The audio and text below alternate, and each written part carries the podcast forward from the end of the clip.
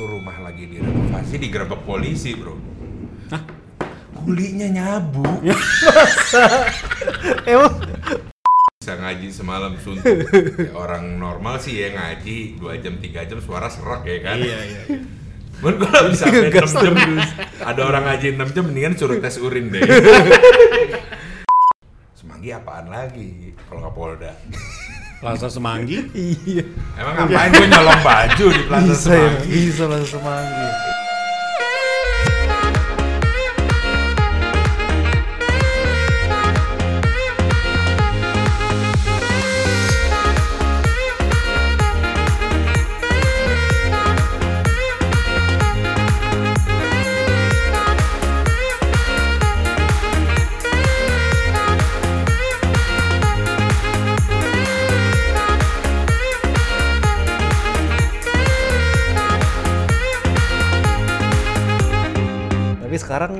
Udah nggak ada efek apa-apa lagi nih. Lu Udah nggak ada. rasa Sa- pengen gitu. Eh, Rasa pengen sih enggak ya. Heeh.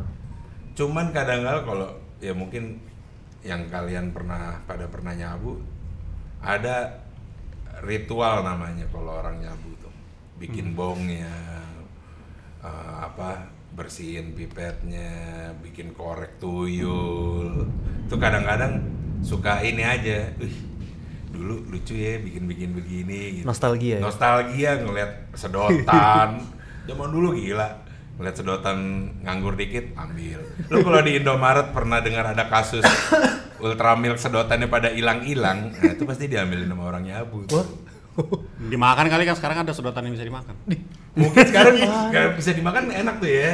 Jadi habis bakar ya kan habis narik gigit. Nggak lapar Atau kalau nggak gue mau ini deh, maksud gue perjalanan lo selama waktu dulu make, lo ada tersangkut kasus-kasus ini nggak Eh, dengan pihak berwajib atau apa? Eh, kalau Kan pasti lo ada transaksi yang Iya. lo kerjain. Kalau direct ke gue sih nggak ada ya, cuman nah ya itu namanya lingkungan narkoba ya. Jadi gue dulu punya geng, geng motor, Mio. bukan motor Mio ya. Mio. Emang kenapa Mio. motor Mio? Kok lo gitu amat? Eh, bukan kayak gitu bos. Kalau Mio bagus. aja mahal. Oh, iya, iya. Mio. Berarti kalau Mio nggak narkoba berarti Oh bagus. iya Mio mah nggak narkoba karena nggak bisa belinya mungkin. Ngelem, ngelem. Salut buat anak Mio, salut. Salut. Eh, tapi lu jangan salah lo ya. Sabu itu udah masuk ke semua kalangan loh. Sampai Karena kan sabu juga ada grade-grade-nya juga kan? Iya nggak sih? Ah, Enggak ya? Iya ada grade-nya, Ah. cuman nggak se nggak sepengaruh itu. Car Free Day aja deh sabu bos. Sarapan bubur. Lo bayangin ya, jadul. gue punya teman, teman gue bikin rumah renovasi. Tiba-tiba suatu saat tuh rumah lagi direnovasi digerebek polisi bro.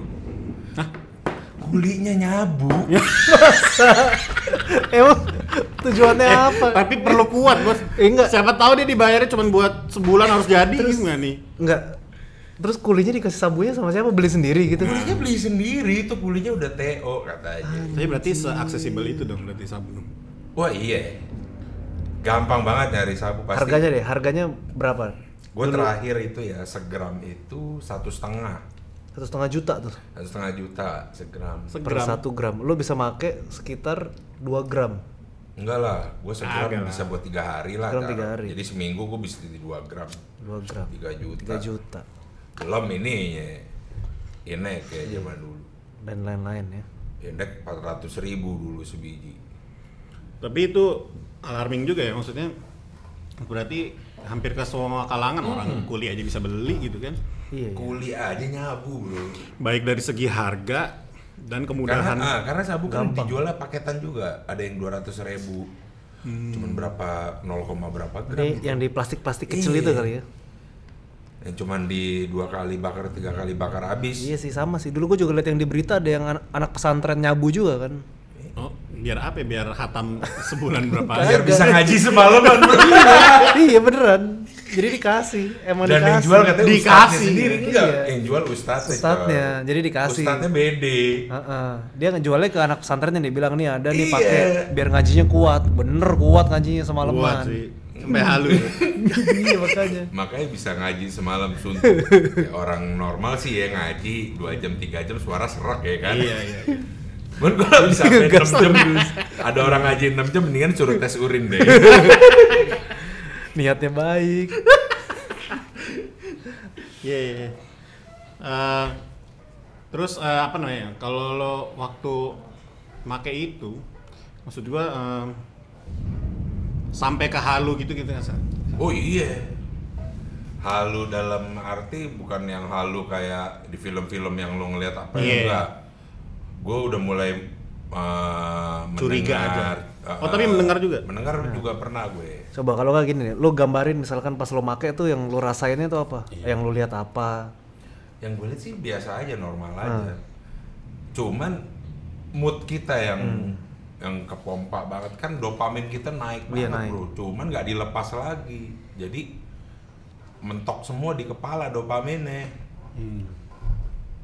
pas lo udah nggak make dopaminnya hilang oh deh macrut deh lo lo nggak bisa ketawa nggak bisa Mood, senyum moodnya nggak- langsung jelek. ya? moodnya jelek makanya eh, apa emosional apa tuh Hmm. namanya Nggak emotional stabil. swing Iya. kalau kata dokter itu emotional swingnya tuh parah lo bisa sejam lo happy habis itu lo bete habis itu lo nggak mau ketemu orang Oh, makanya banyak orang yang makan narkoba tuh kayak dibilangnya kayak punya kepribadian ganda ya. Iya.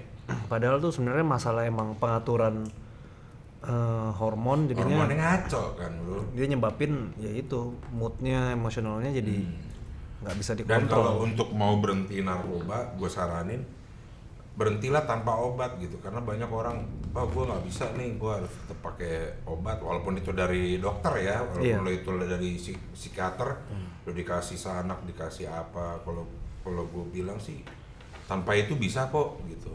Gue aja bisa gitu. Gue tanpa obat loh. Bisa. gue keluar tuh tanpa obat tanpa embel-embel apa pun udah gue stop aja dari diri gue gue pengen stop udah.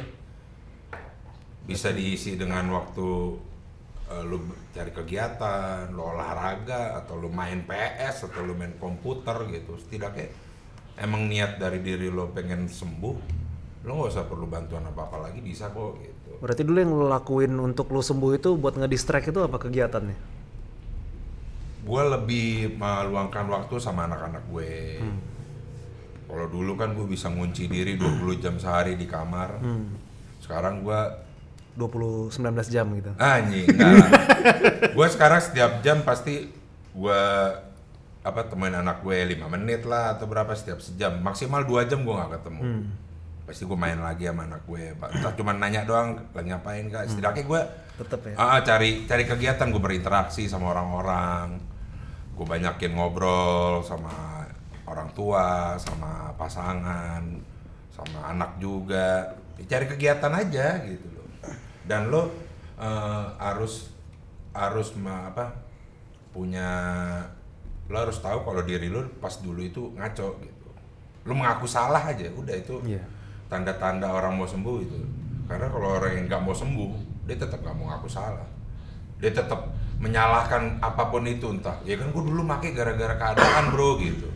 Dulu kan gue make gara-gara cewek gue gini lah atau gara-gara orang tua gue cerai itu salah. Itu Selalu itu gue rasa Excuse ya. Nah, itu hanya alasan. Karena kalau emang orang yang mau sembuh dia tahu kalau dia itu salah. Apa pun alasannya dia make narkoba itu udah salah udah gitu aja. Intinya dokter pun ngeliatnya di situ. Dulu gue pas ditanya pas baru masuk kenapa kamu pakai narkoba? gitu kan. Jadi kita dikasih kertas suruh tulis apa eh, manfaat lo make apa manfaat lo nggak make ya dulu jawabannya cuma simpel aja lah gitu. Kalau gua manfaat gue make gue seneng gitu. Manfaat gue nggak make badan gue sehat gitu. Mau makin lama banyak bro. Saya merasa menyesal gitu. Saya apa nggak nggak nggak ada waktu buat keluarga nggak ada waktu buat anak. Saya merugikan orang terdekat saya. Karena kan kalau lu kena narkoba siapa lagi yang dirugiin? Emang bukan lu doang. Iya pasti. keluarga lu. Lingkungan. emang nggak ngurusin kalau ketangkep emang lu yang ngurus kan pasti keluarga lu yang ngurus Betul betul betul.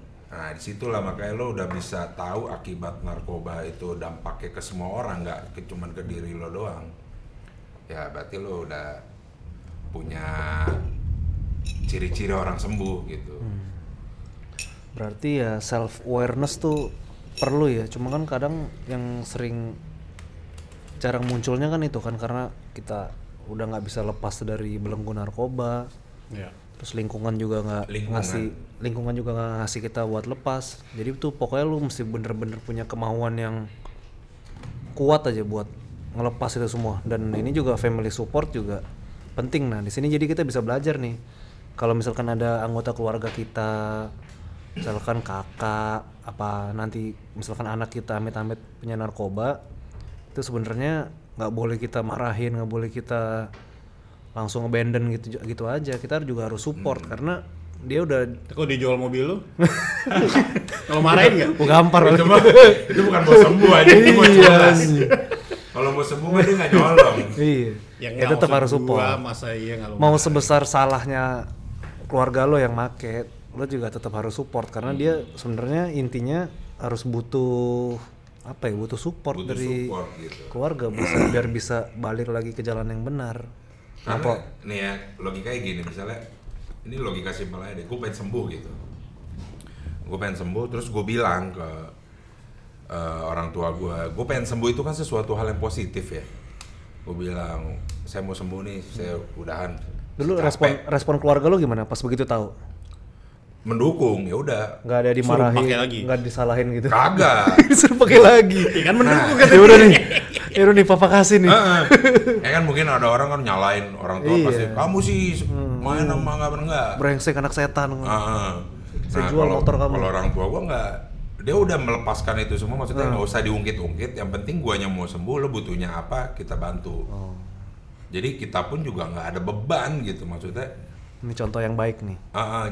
nah, nah ada juga teman-teman gua pernah cerita. Sebenarnya yang mesti direhab itu juga keluarga juga. keluarga ya Jadi keluarga tuh tahu caranya gimana mentreat orang yang uh, makin narkoba, orang yang mau stop itu nggak nggak kayak orang biasa gitu.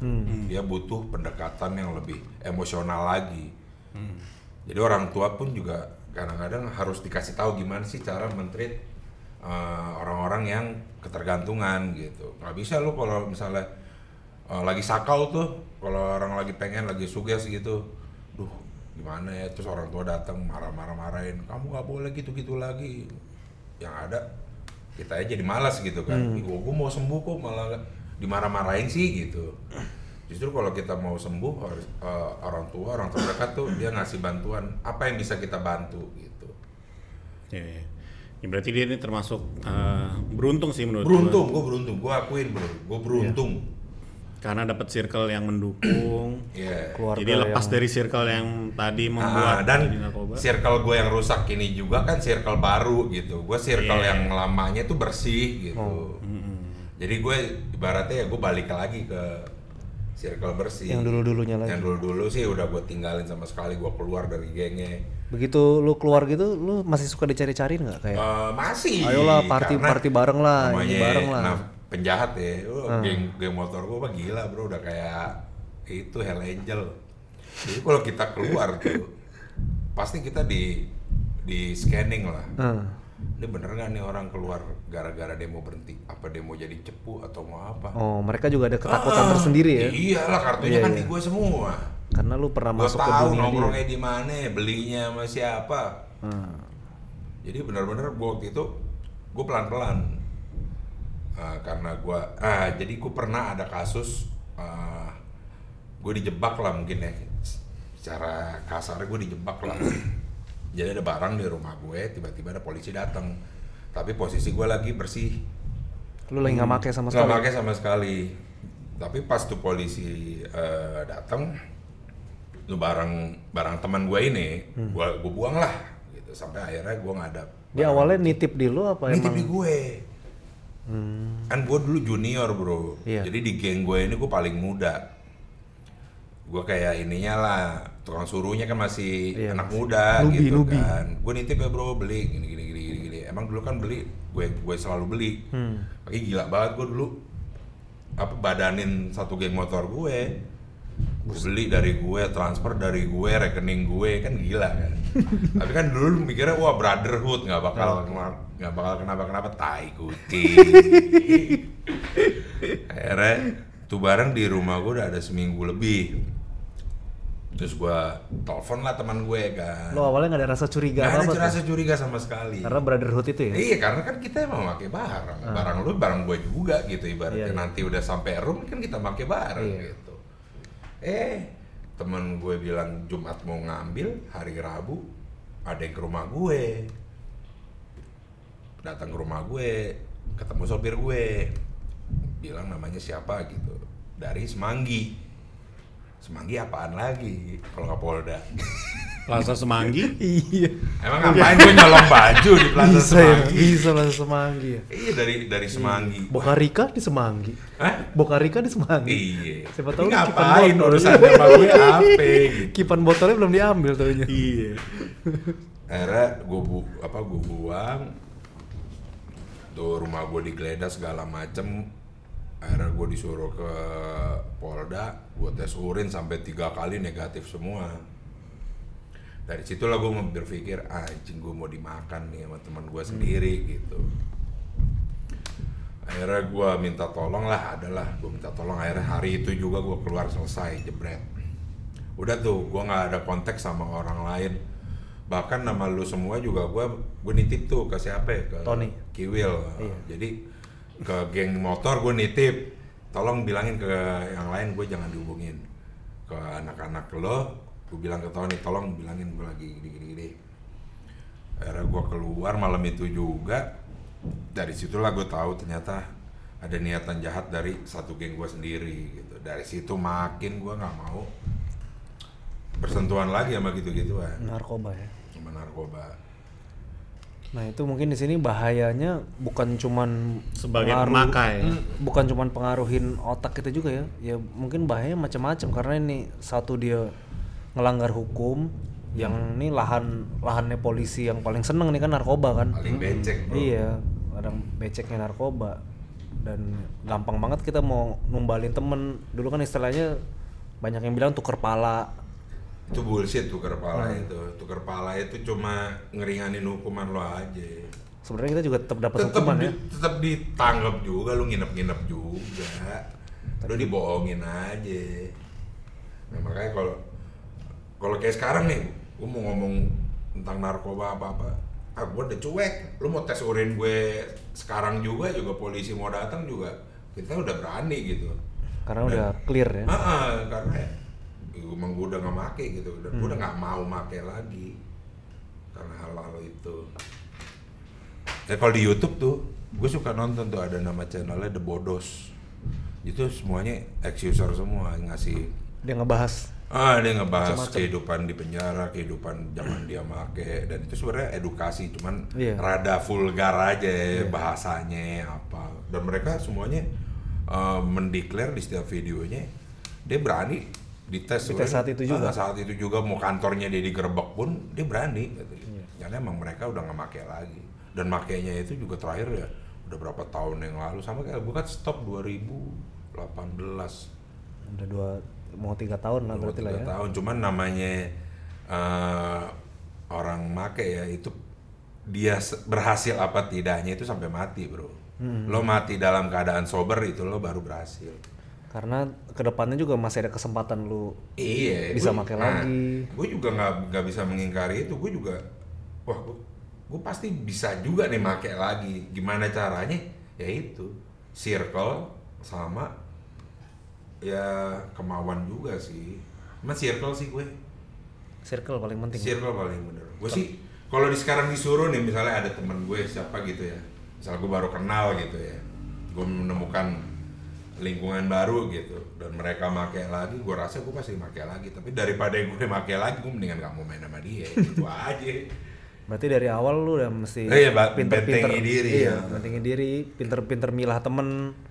Ya lu boleh bergaul sama siapa aja, cuma harus tahu juga dan siapa kali yang harus lu, lo gaulin. lu bergaul sama orang yang nggak tahu siapa terus lo make bareng dia tahu kartu lo. Karena banyak ya gue dengar cerita orang yang karirnya hancur gara-gara narkoba gitu kan. Gara-gara temannya sendiri. Apalagi dia bekerja dalam satu industri gitu kan. Itu pasti dimakan makanin dia tahu kelemahan lo. Lo lagi asik-asik. Makin ntar tiba-tiba polisi datang ke rumah lo yang jebak ya teman lo sendiri. Kalau kata polisi informasi masyarakat setempat ya kan itu kan nggak pernah dikasih tahu siapa ya. Informasi sebelah anda tuh. Iya.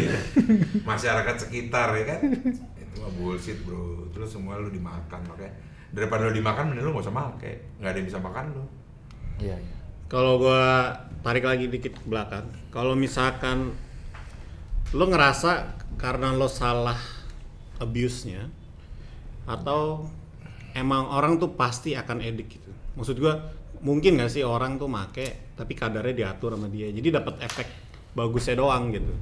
gua nggak percaya itu. Pasti Ada. naik dosisnya. Iya, ada orang yang berpikiran begitu. Substance yang kita kontrol bukan kita yang dikontrol substance. Iya. Itu bullshit. gua bilang aja ya bullshit. Karena yang namanya zat adiktif dia pasti akan kurang terus dosisnya pasti Eh, ya. pasti nambah terus kan. Iya, naik, naik. Naik naik terus Badan gitu. sampai adaptasi. titik terakhir badan lo udah nggak kuat, die. Uh, udah selesai. Ya, ya. Jadi gue rasa nggak ada yang bisa kontrol substansi. Ya itu aja dia maksudnya eh lo aja yang nyari dia bukan dia yang nyari lo itu berarti kan lo yang lo yang nagih gitu kan. Iya. Tapi zaman sekarang udah jarang lihat orang yang mati gara-gara narkoba ya. Zaman dulu kan zaman putau kan banyak banget yang mati. Karena Putau eh, yang gue tahu ceritanya ya yang sakaunya badannya sakit-sakit gitu karena emang ngancurin badan banget sih katanya Putau bukan Kan dulu- ngancurin otak ngancurin Iya, badan Pas zaman-zaman putau lagi ngetren-ngetrennya itu kan sekitar tahun berapa tuh? Akhir akhir 90-an 90-an akhir ya. ya. Akhir 90-an ya. Itu banyak banget kan yang mati orang yang kita kenal, artis-artis. gue nonton, nonton di The Bodoh itu Hmm. Mereka kan juga ex pemakai putau ceritanya horor-horor bro sampai yang orang seniornya mati di depan dia overdosis akhirnya dibuang gitu-gitu Karena ada saudara gua dulu satu SMA sama gua. Dulu kan SMA 21 kan zaman dulu terkenal lah pokoknya lah isinya. Nah, saudara gua ada di sana. Ya dulu di sekolah make biasa aja di kamar mandi, habis itu masuk ke kelas lagi. Zaman dulu kan eh, undang-undangnya kan masih belum iya jadi masih belum undang-undang kan. narkoba itu baru galak itu 2008 Nah, zaman dulu kan bebas banget tuh kan. dulu mah lu ketahuan make ketahuan megang barang paling berapa bulan keluar. Kalau sekarang minimal 4 tahun bro. Sekarang udah berat rehab ya. Kalau lu pengedar bawa barang buktinya gede udah deh bye deh.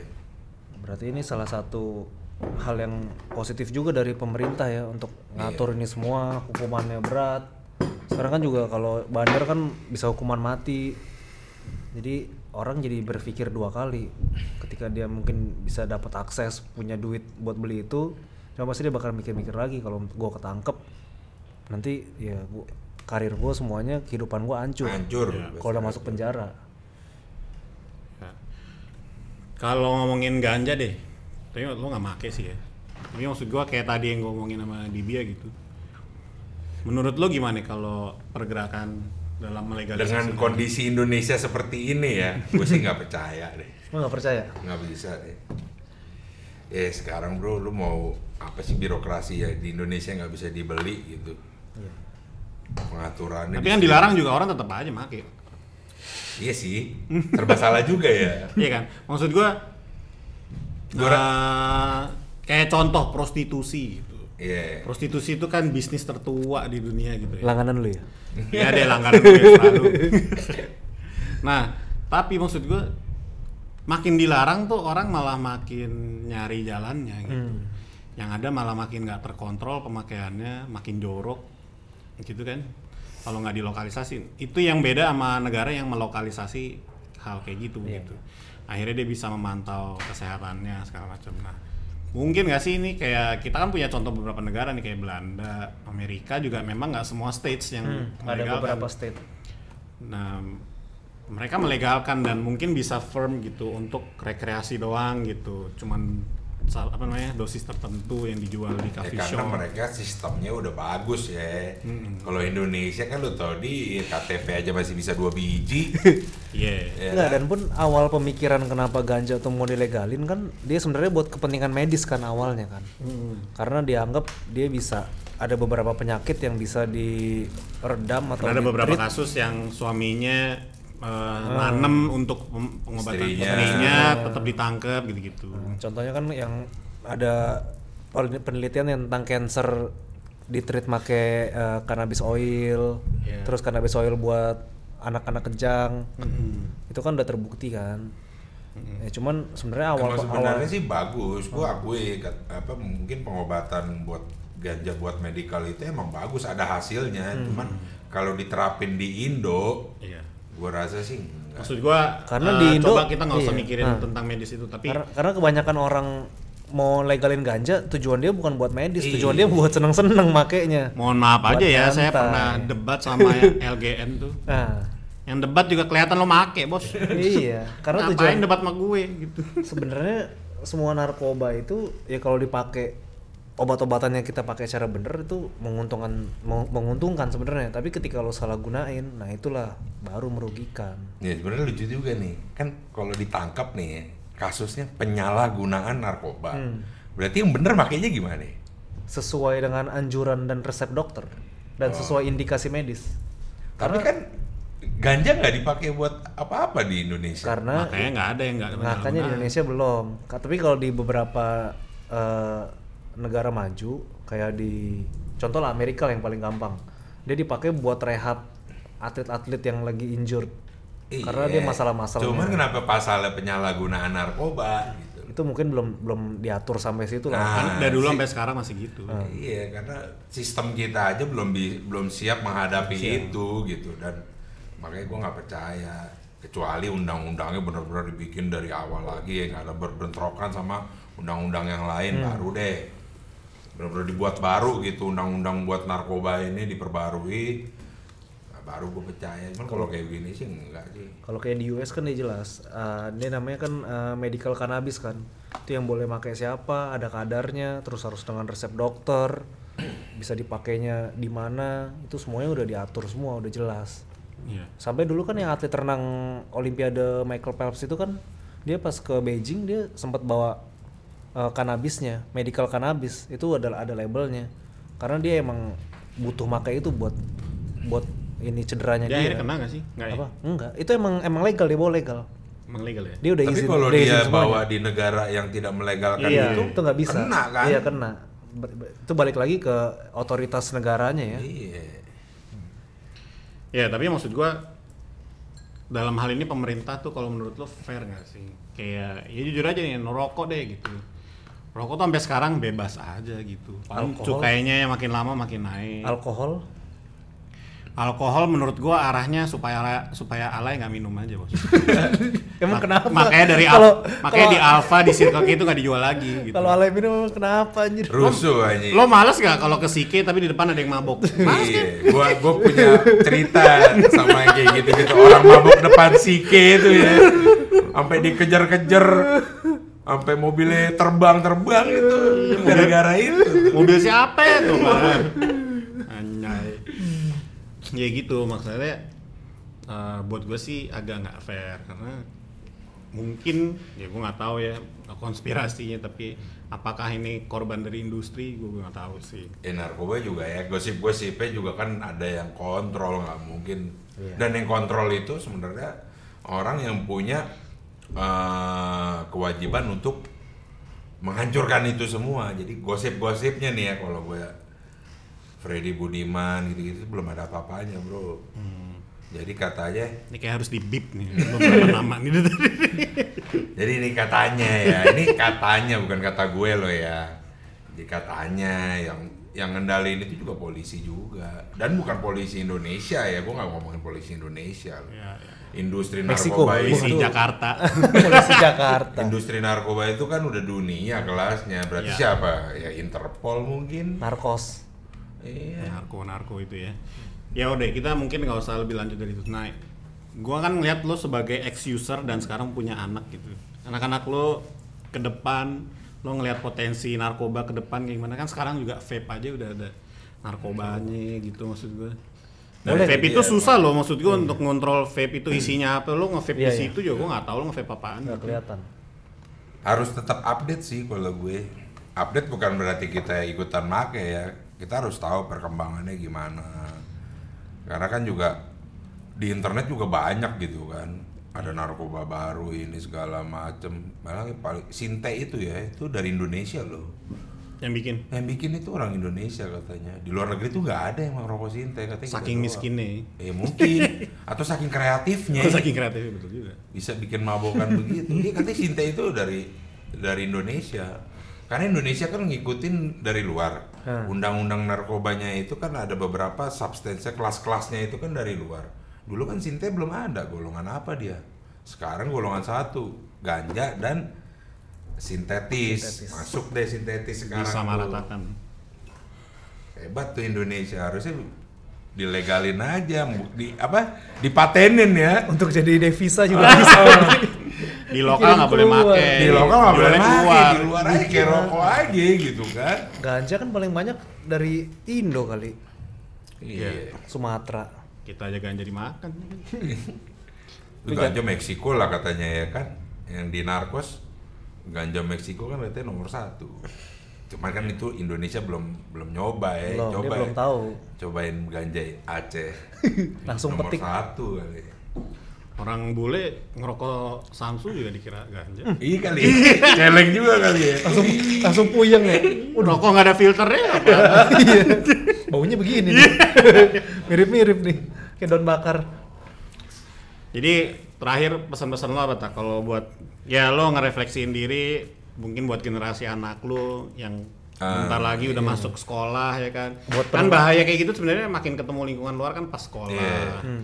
pas kuliah. Ini jadi buat Jadi, pendengar pendengar, ah, pendengar kita 10 tahun ke depan. Sebenarnya biar tahu. ya, eh, kalau mau kayak begitu, dampaknya aja sih yang terus dikasih tahu gitu. Dampak lo makan narkoba, pemerintah tuh harusnya lebih aktif lagi.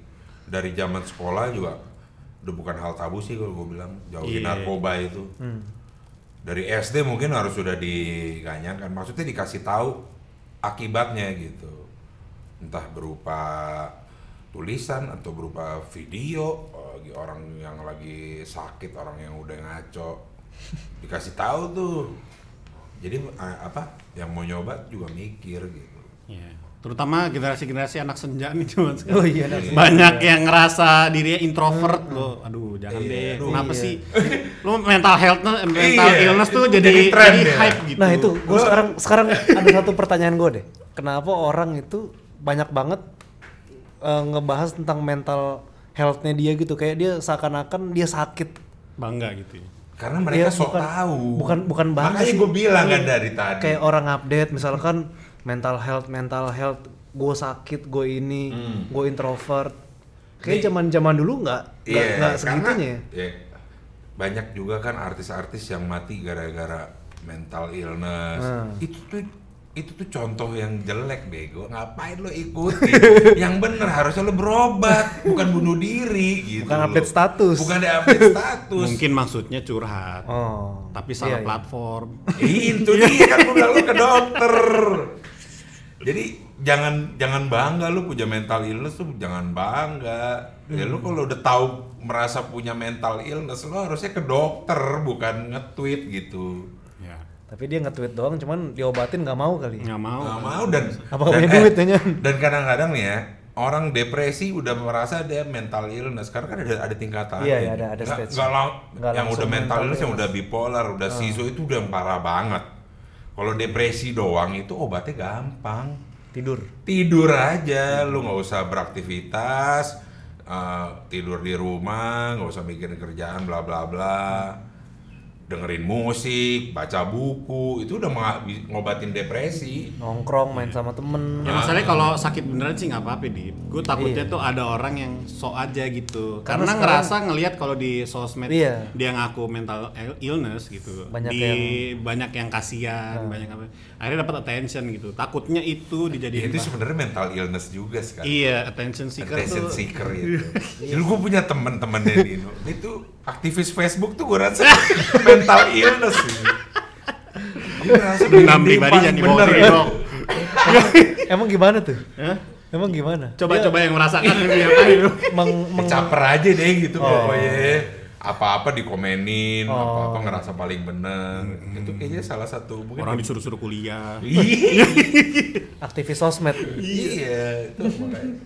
Attention seeker sih salah satu mental illness sih kayaknya ya nggak tahu juga sih Ya tapi kalau dalam hal narkoba nih ya intinya adalah kalau lu punya masalah apa pun diselesaikan masalahnya. Iya. Jangan jangan kabur gitu. jangan kabur dan Karena- jang- jangan sendirian Iya. cari bantuan Gue rasa narkoba tuh bentuk dari pelarian kan awalnya kan. Dia pengen masalahnya tuh nggak diomongin, nggak diselesaikan, akhirnya Ini nggak jatuhnya ke kalau ada yang nyoba-nyoba ya itu lu. eh, kayak gue gini kan bukan Ya, gara-gara stres Tapi makanya kalau lu itu termasuk jatuhnya termasuk lumayan beruntung pak karena circle-nya sebenarnya nggak membuat lo stres Iya. akhirnya jatuh ke situ. Mungkin- Tapi ini gue ngomongin orang yang sebenarnya memang punya masalah terus dia mencari pelariannya bentuknya akhirnya gitu. Mending ngewe aja bos. Iya. anti pijet banyak Iya udah.